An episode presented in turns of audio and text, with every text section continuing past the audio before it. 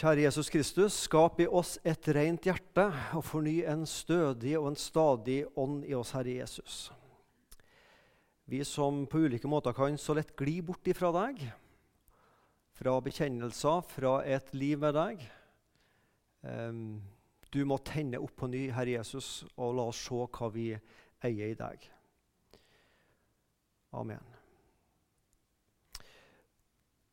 Vi snakker denne høsten om det å dele Jesus Kristus. Det er et sånt tema som vi prøver å belyse fra ulike synsvinkler. Nå har jeg ikke fått vært på en par ganger her, men eh, snakka med Jan Helge, som var forrige søndag. Han snakka om det her med å dele Jesus gjennom gjestfrihet. Hvordan man kan møte eh, innvandrere og nye landsmenn som kommer hit. Eh, med en fin gjestfrihet og på den måten dele Jesus. Og Alle disse talene som har vært, de legger jo ut på vår hjemmeside. så Klikk deg inn på misjonssand.no, så kan vi høre dem om igjen. Det, det, med å dele Jesus er ikke bare et tema liksom, i høst. Nå, nå liksom skal vi dele Jesus, og så kan vi puste ut når januar kommer. Da er det ikke så farlig lenger. Ikke sant? Det, det, jo, det, handler om en livsholdning, en livsstil. Og det å, å varme opp hverandre til lettere å snakke om Jesus jeg vet sjøl hvor vanskelig det er. Så jeg som har betaling for det, jeg vet hvor vanskelig det er. Så hvis du syns det er vanskelig, så har du en broder i meg. For jeg vet litt sjøl hvor vanskelig det kan være å dele Jesus. Men jeg ønsker at det kan bli mer en livsstil, en livsholdning til meg. Det med å, at det er helt naturlig, det med å dele troa av Jesus. Og så, Denne plakaten her tok jeg opp på samlingsfesten, og jeg tok den opp også en, senere en gang i høst. Hvilke to personer tenker du å dele Jesus med i løpet av høsten? Og Det er så lett å si at jo, vi må dele Jesus. Men la oss være litt konkret. Kanskje er det to personer vi skal be konkret om. At dem skal vi klare å dele troa vår og Jesus med i høst. Og Hvis vi klarer én av dem, så skal vi liksom ikke slå oss på brystet, men du skjønner poenget. Men det betyr ikke at Gud avskilte oss hvis vi kommer til 31.12. og ikke har klart det. Men, men, denne holdningen og den driven i oss er det noen flere vi skulle ha delt Jesus med. Be til Jesus om, eh, for disse to om gode muligheter til å dele troa. Og For litt over en måned siden så snakka jeg til dere om en familie som hadde blitt kristne etter å komme i kontakt med en annen familie her i Misjonssalen. Noen som husker den talen fra 4.9. om familien Konradsen? Det er da lurt dere. Jeg holdt, holdt preika som jeg skal holde 4.2.2018.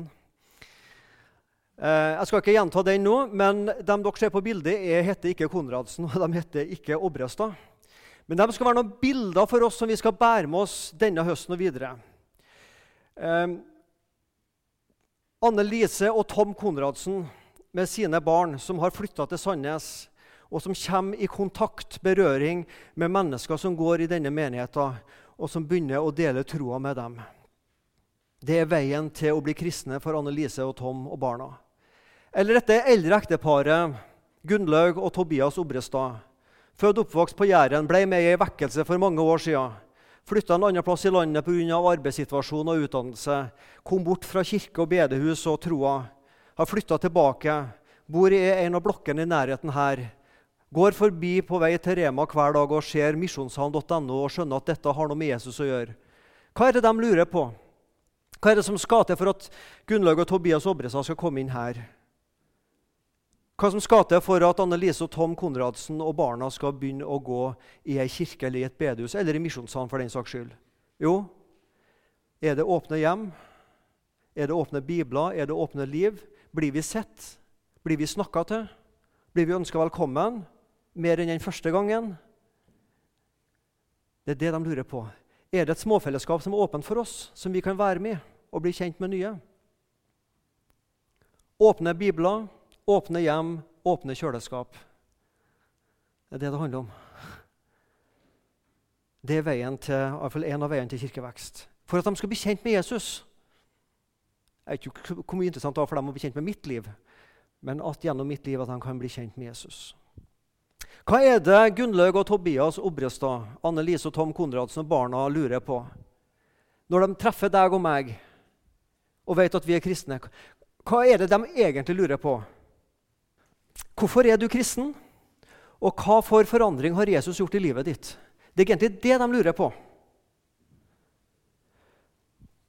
Det er ikke sikkert de spør det sånn, men det de egentlig lurer på Hvorfor er du kristen? Og hva slags betydning har Jesus i livet ditt? Er du bare en kristen fordi du er født og oppvokst i en kristen familie, og liksom, sånn har det vært i generasjoner? Eller har Jesus noen betydning for deg? Det er det disse lurer på. Johannes 9. Der møter vi en fortelling om den blindfødte. Og Vi skal ikke lese hele den historien, den, det tar veldig mange minutter, men du kan la, lese altså den i Johannes evangelium kapittel 9. Men jeg skal ta den i kortformat. Jesus og disiplene møter, eller ser en blindfødt. Og Disiplene spør du Jesus, hvem er det som har synda. Er det han eller er det foreldra siden han er født blind? For det var en tanke at var man født blind, så var det en synd som var årsak til det. Nei, Jesus, eh, det er feil teologi. Det er ikke sånn det henger sammen. Men han er sånn, for så skal Gud vise da sin, sin storhet ved å gjøre han seende. Så tar Jesus og smører deig i eh, spytter på noe deig og smører i øynene på den mannen. Og så, han, og så, sier Jesus, 'Gå til Siloadammen og vask deg.' Og Det gjør han, og så blir han frisk. Eller han blir seende. Så er da poenget, eller det som er interessant. Resten av kapittel 9 det er samtale. Først mellom den blindfødte som nå har blitt seende, og naboen. Er det naboen vår? Ja, men han var jo blind. Nå, nå ser han jo. Nei, Det er sikkert bare en som ligner. Er du naboen vår? Ja, det er meg. Det er jeg. Det er jeg som er naboen deres. Det er meg. Jeg har blitt helbreda. Så er det en samtale mellom naboene og den blindfødte, og så er det en samtale mellom den blindfødte og fariserene. Eh, problemet var jo at han ble helbreda på sabbaten. Det, vil si, det er jo ikke et problem, det, men for fariserene var det et problem at han ble helbreda på sabbaten. Og kan da den som helbreder han være utsendt fra Gud, siden han gjorde det på en sabbat? Så er det en diskusjon mellom fariserene og den blindfødte. Og så spør de hvem syns du han er. Han må være en profet, svarer han da som har fått synet igjen. Og Så huker de inn foreldra til den blindfødte. Er det her sønnen deres som var blind, og som nå er blitt seende? Ja, ja. ja hva, er, hvorfor han, hva som har skjedd? Han er gammel nok sjøl, spør han sjøl. For de var redde. De frykta foreldra for å bli utstøtt av synagogen. Så Av frykt så sa de, spør han sjøl. Han, han, er myndig, altså. han er over 18 år. Så spør han sjøl. Og Så blir det en heftig diskusjon mellom fariseerne og den blindfødte. Nå har han fått litt mer frimodighet, så jammen meg så tar han og utfordrer dem, den blindfødte. Og så blir han utstøtt fra synagogen. Og Så møter han Jesus, og så er det en samtale mellom Jesus og den blindfødte. Vi kaller den seende fra nå av. selvfølgelig. Mellom Jesus og han som har fått synet igjen. Og Mannen han bøyer seg for Jesus og tror. Og så er det en samtale mellom Jesus og fariserene. Det er en grunn til at jeg tar fram denne historien. Selvfølgelig er det det. Det sies at de som forstår seg på tida vi lever i, at den tida vi lever i, den har et så fint navn som ei postmoderne tid. Det høres veldig sånn flott ut. Postmoderne tid. Først var det for lenge lenge siden, før bestefar vår var født, for å si det sånn, lenge før det igjen, da var det kirka som definerte dette er sannhet. Og folk sa ja. Så kom moderniteten med vitenskap og med oppfinnelser. Og man tenkte at bare moderniteten får gå sin gang, så, så blir verden god. Bare vi får kasta ut det der med Gud og sånn, og vitenskap og modernitet, så blir verden god. Det ble den ikke. Og så kommer vi inn i det som kalles den postmoderne tid. Dette er historie i veldig kortformat, altså jeg er klar over det, men den ettermoderne tid der man har innsett at vitenskapen løser ikke alle våre problemer og gir oss ikke svar på alle spørsmåla. Det fins egentlig ikke noen absolutte sannheter. Enhver må definere sin egen sannhet. Det som er sant for meg, er sant for meg. Du definerer din egen sannhet. Og hvis du føler at det er sant for deg, så er det sant for deg. Men ingen kan si at vi har sannheten. Og i den postmoderne tid så er det ikke lenger nok bare å stå på en talerstol og si at sånn står det skrevet. Og så sier folk ja. Men folk vil tenke sjøl, folk vil være kritiske, folk vil stille spørsmålet. Og det er noe positivt med det, og så er det sikkert noe negativt med det. Men det er noe av den kulturen vi lever i. Og Noe som kjennetegner den postmoderne kultur, det er det å stille spørsmål. Man stiller spørsmål og man stiller spørsmål, og man graver og man er kritisk. Og så formidles sannhet gjennom fortellinger, gjennom historier. Og det er en flott ting. Og Det skal vi se litt nå på, det her med å stille spørsmål. For i denne teksten her så er det veldig mange spørsmål. Naboene sa til ham, 'Hvordan ble dine øyne åpnet?' Det de egentlig spør om, 'Fortell meg din historie'. Hva, hva, hva som var grunnen til at øynene dine ble åpna? Fortell meg hva som har skjedd i livet ditt når du har hatt med Gud å gjøre. Han svarte, 'Denne mannen som heter Jesus, gjorde en deig og smurte på øynene mine og sa til meg:" Gå til siloa og vask deg. Da jeg så gikk bort og vasket meg, kunne jeg se. De sa til ham, 'Hvor er han?' Han sier, 'Jeg vet ikke'. Hvor, er han der som gjorde deg frisk? En nysgjerrighet på Jesus og på religion. Fortell meg din historie. Hva som skjedde med deg? Og hvem, hvem er han som har virka i livet ditt? En nysgjerrighet. Og Denne spørsmålsstillinga tror jeg også preger vår tid. Folk kan være nysgjerrige, ikke på oppleste sannheter og dogmer, men de er nysgjerrige på hvem er Jesus for deg? Hva betyr han for deg? Fortell meg hva han har gjort i livet ditt. Litt senere er det fariseerne som spør. Også fariseerne spurte ham da igjen hvordan han hadde fått synet igjen. Han sa til dem, 'Han la en deig på øynene mine, og jeg vasket meg, og nå ser jeg.' 'Hvordan har du fått synet igjen?' Også de lurte på, 'Fortell meg, hvorfor er du en kristen? Hvorfor begynte du å tro på Jesus?' De sier da igjen til den blinde, 'Hva sier du om ham, siden han har gjort dine øyne åpne?' Hva mener du om Jesus? Hvorfor er du en kristen? De sa til ham, 'Hva gjorde han med deg?' Hele tida spørsmål og svar. Man er undrende.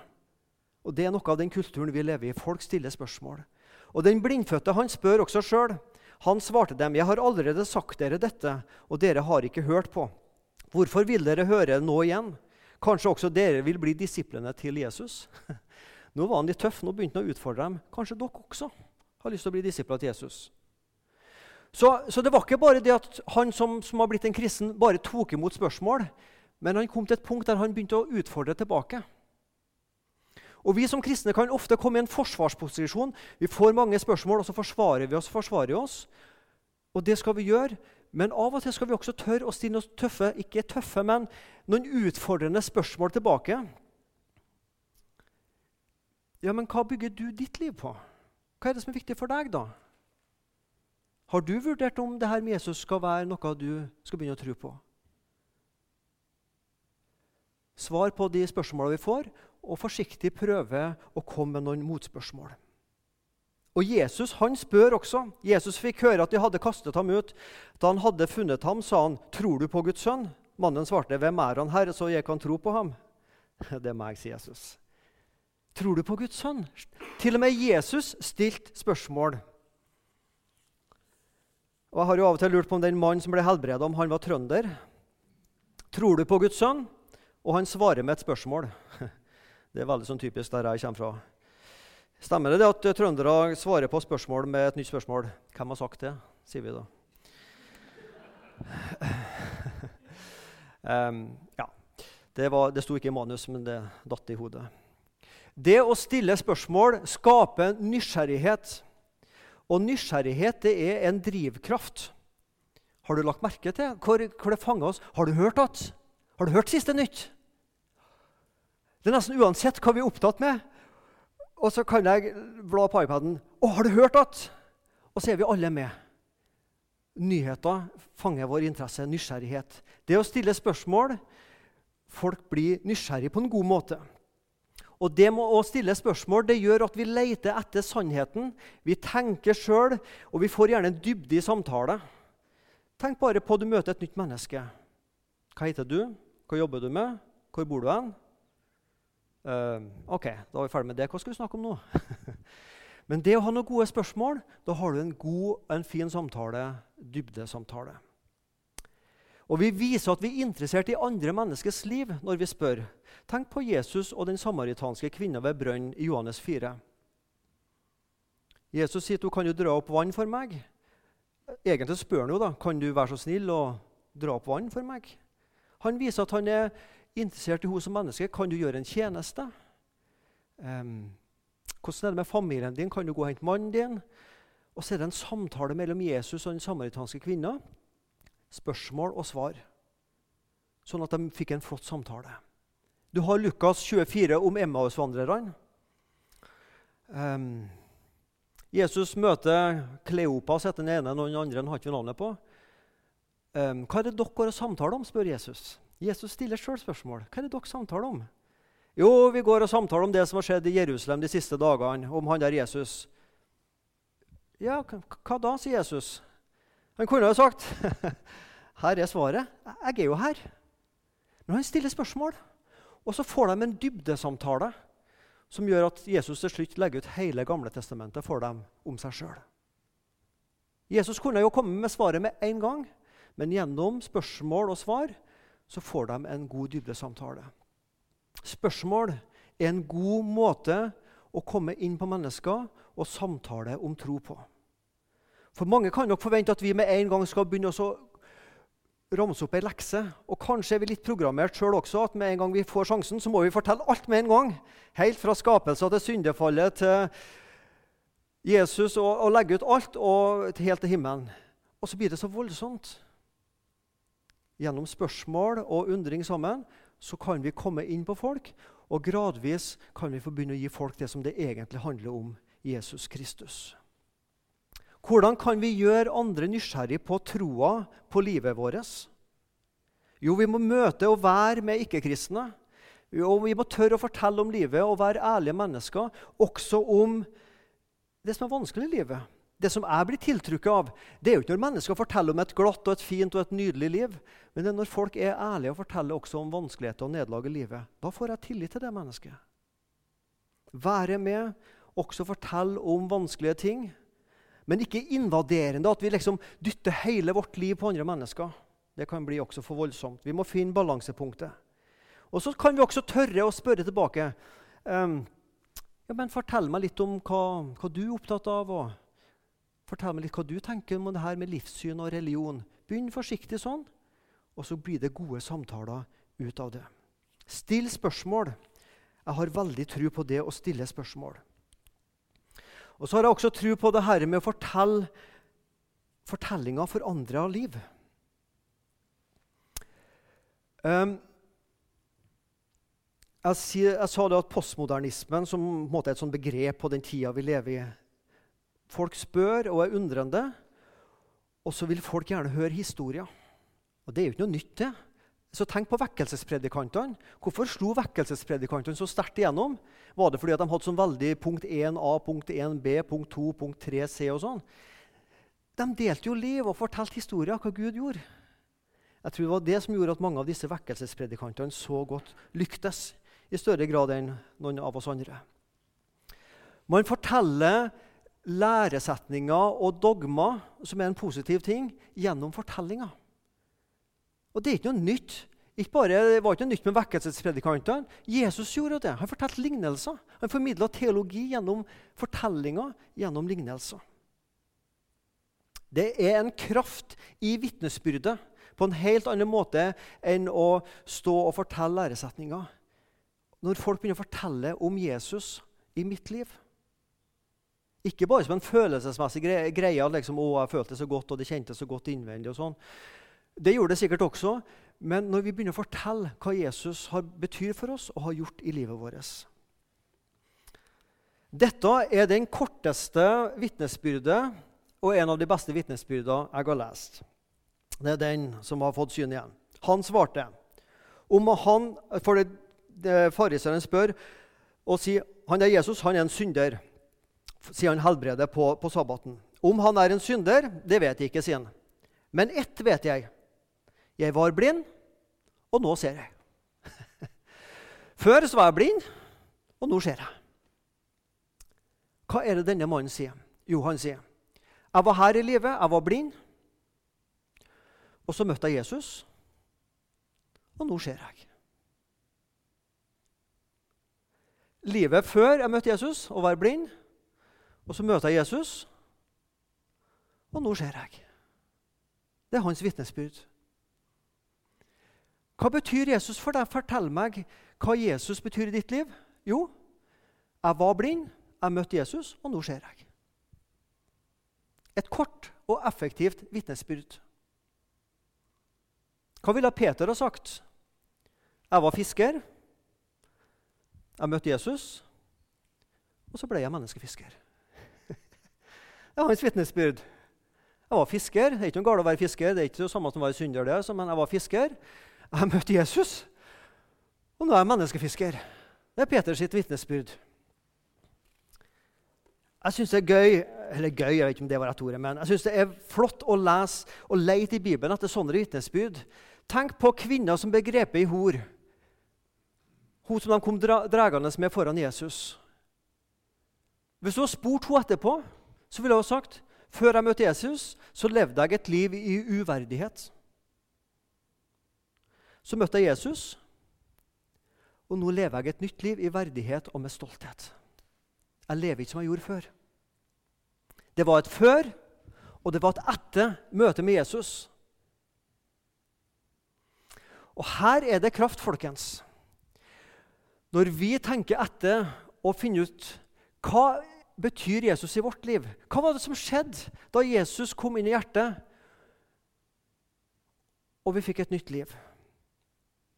Kanskje er ikke det så lett å sette ord på, for jeg vet mange som sitter her, er født og oppvokst i den kristne troa og har ikke levd så vidt som den kvinna som begrepet hor, eller andre som har liksom et sånn veldig tydelig før at jeg gikk på Sandnes i gata og solgte dop og øh, liksom alt det her.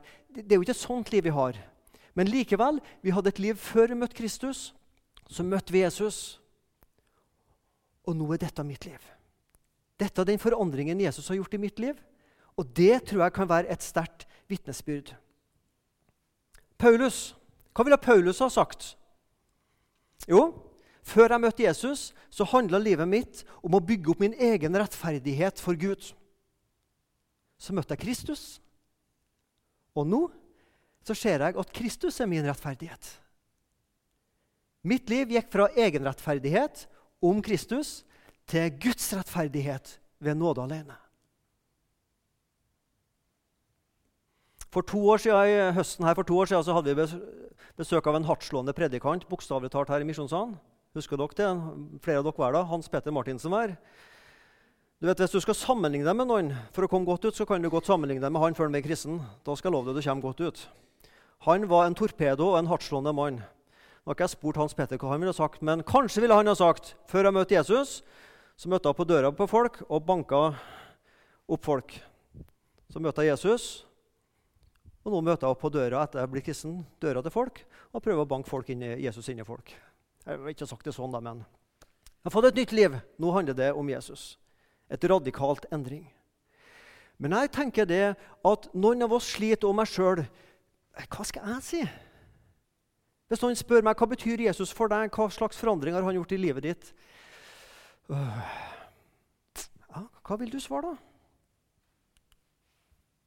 Hva er den største forskjellen Jesus har gjort i livet ditt? Hva tror du tolleren Sakkeus ville svart på det spørsmålet?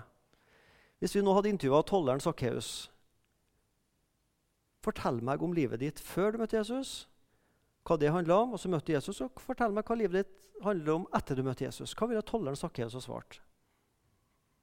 Nå skal vi gi en ny tenkepause, ikke fordi at teknikken har gått synd, men eh, nå skal dere få tenke litt et halvt minutt. Hva ville dere ha svart på spørsmål 1 eller spørsmål 2?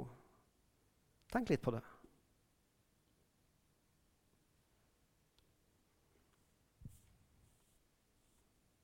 Maks ett ord. Nei, minimum ett ord. Maksimum én setning.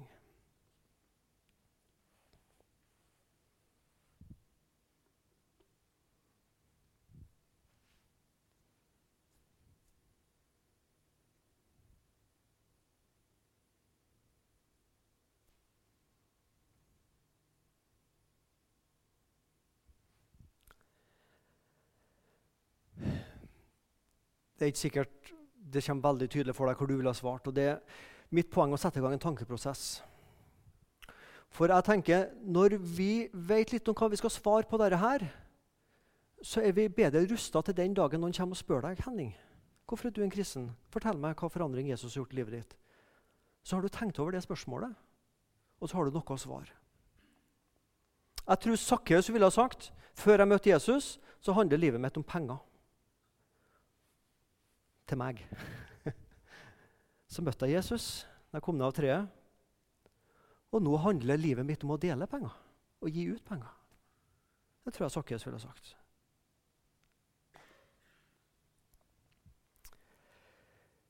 Det handler om at vi skal hjelpe hverandre til å sette ord på livet vårt, på troa vår. Folk, når jeg sier folk her, altså Ikke-kristne mennesker er ikke opptatt om du og jeg har opplevd noen sånn veldig svære, ekstraordinære opplevelser. Eller noen sånn ubetydelige detaljer. Liksom, jo, jeg ble en kristen jeg skal se, var 18.10.1982. Da var det på et møte i Trondheim, ja.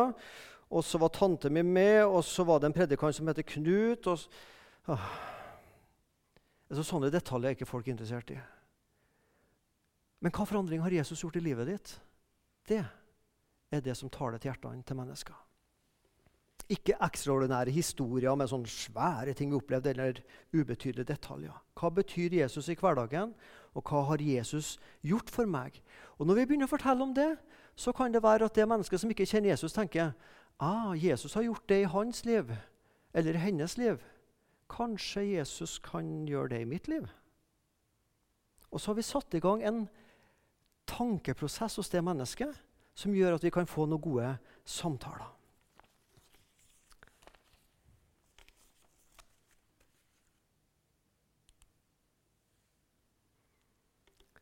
De siste verset i kapittel 9 i Johannes. Jesus sa, og det er til fariseerne til dom er jeg kommet til denne verden, for at de som ikke ser, skal se, og de som ser, skal bli blinde. Jeg syns dette er et rart eh, uttrykk av Jesus.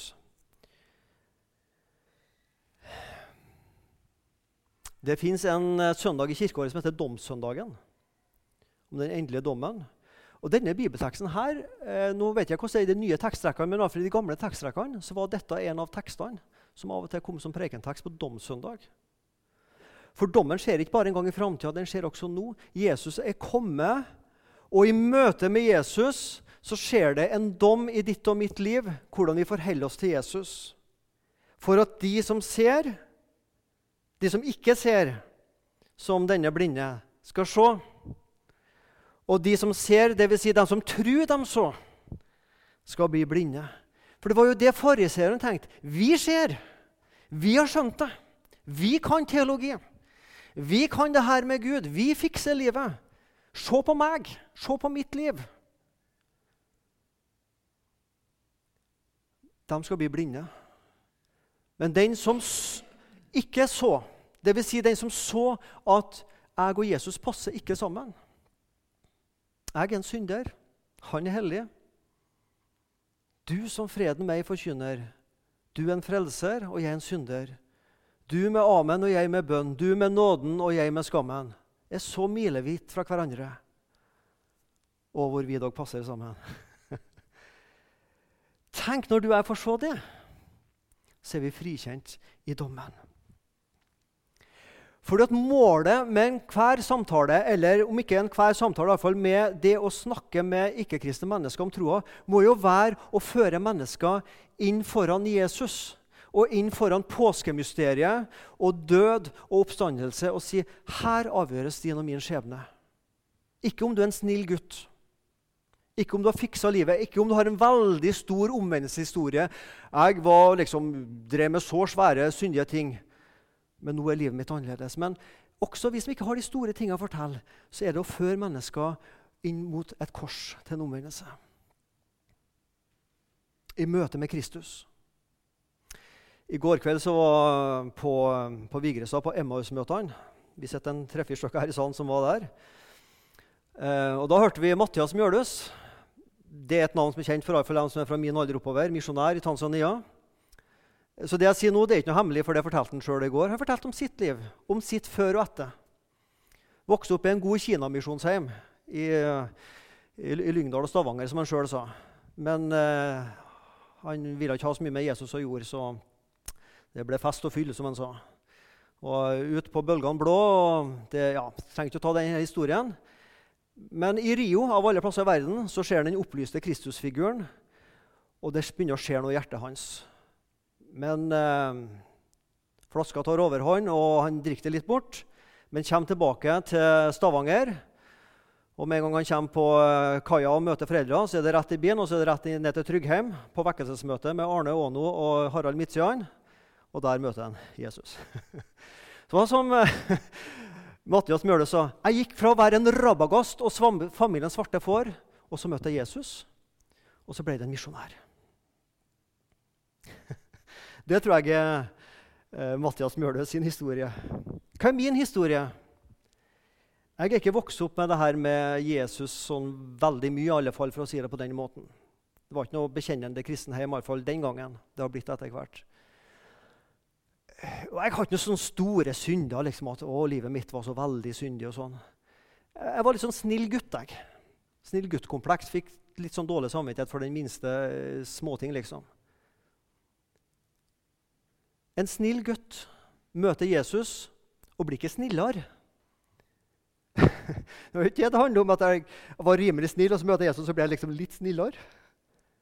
Men det å gå fra å være en sånn helt gjennomsnitt grei norsk ungdom som ikke gjør fall for mye galt, møter Jesus, og så ble jeg et menneske, en mann, med mål og mening for livet. Jeg vet hvorfor jeg lever, jeg vet hvor jeg skal hen. Og jeg har ordna opp min sak med Gud. Han har ordna opp min sak med seg sjøl. Jeg ble stilt innafor korset. Å dele troen, er det vanskelig? Jeg tror Hvis vi tar denne runde her, så ville alle sagt ja, det, det, det, er ikke alltid så lett det her med å dele troen og dele Jesus. Det er kanskje vanskeligst av alt i familien, med dem som ikke kjenner Jesus der.